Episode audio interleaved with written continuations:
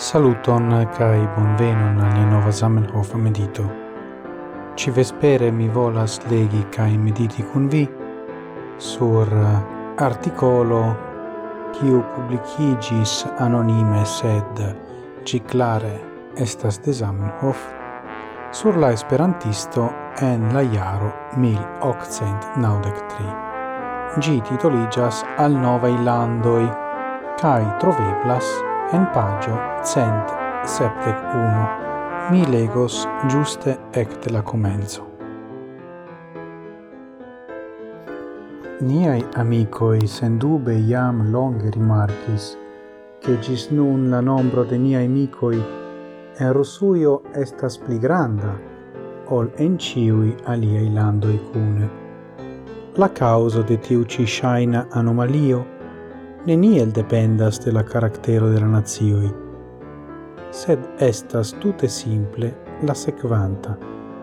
Por la vastigado de nia fero in Rusuio, gis nun estas usita pli da rimedui che pli da fortoi, ol por ciui alie landoi cume. Nun, venis la tempo shangi la aferon, e Rusuio nia afero staras iam iom forte, ca iras iam regule antauen. Tial, ni nun devas por quelca tempo turni pli da ciui niai fortoi al exter Rusuio, cie nia afero estas ancora prescau tute neconata. Foi foi o casa salmi che eble pro mia pronunzo au por la vort proviso iu volas argumenti con mi che Esperanto vere estas latinida lingvo, kai mi clopodas pacienze clarigi che temas pri contacto lingvo, che oni ne povas usi la cutima in tipologia in familio in por compreni la essenzon de Esperanto.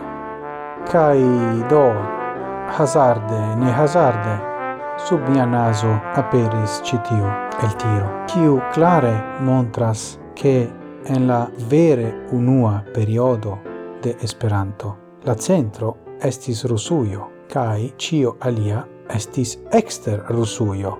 Do, tutte compreneble, estas slava spirito en la lingvo. Do, Esperanto estas complexa creitajo, fara de homo, kai kiel ofte okazas al complexa aferoi. Homoi kiui ne faculas pri tio, clopodas simpligi por enmeti gin en scatolon, mensan scatolon, kiu versainigus la complexan aferon, simpla kai comforta, tranquilla, ne dangera.